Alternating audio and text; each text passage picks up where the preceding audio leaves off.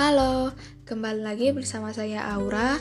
Di podcast kali ini saya akan membahas tentang etika dan juga pencitraan dalam praktek kepemimpinan demokrasi di Indonesia. Contoh etika dalam berinteraksi dengan lingkungan sosial yaitu A. Bersikap ramah dan sopan saat berinteraksi dengan orang lain B.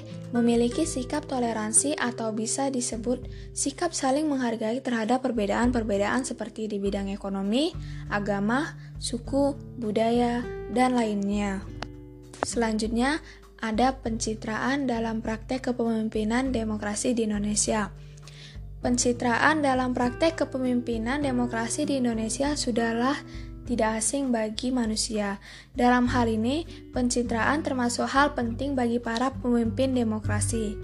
Pencitraan dilakukan dengan cara menunjukkan hal-hal positif terhadap pemimpin demokrasi tersebut, atau bisa menunjukkan hal yang lebih, sehingga dapat memengaruhi opini publik atau masyarakat.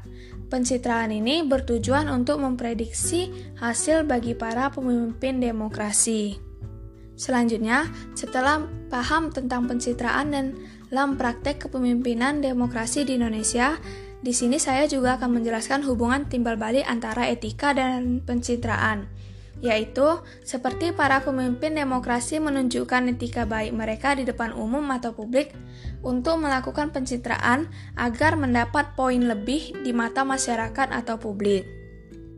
Mengapa fenomena tuduhan pencitraan kerap menempel pada seorang pemimpin? Karena mulai dari latar belakang, keadaan, sifat seorang pemimpin demokrasi menjadi sorotan publik sehingga mereka harus menunjukkan hal-hal yang baik agar masyarakat percaya.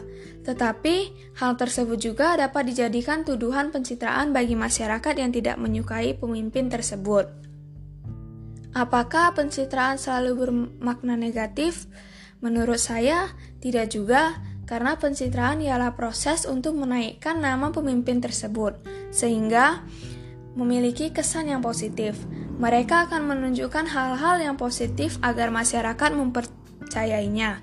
Namun, banyak juga yang memakai pencitraan hanya agar hal-hal negatif mereka tertutupi. Oke, sekian dari saya. Terima kasih.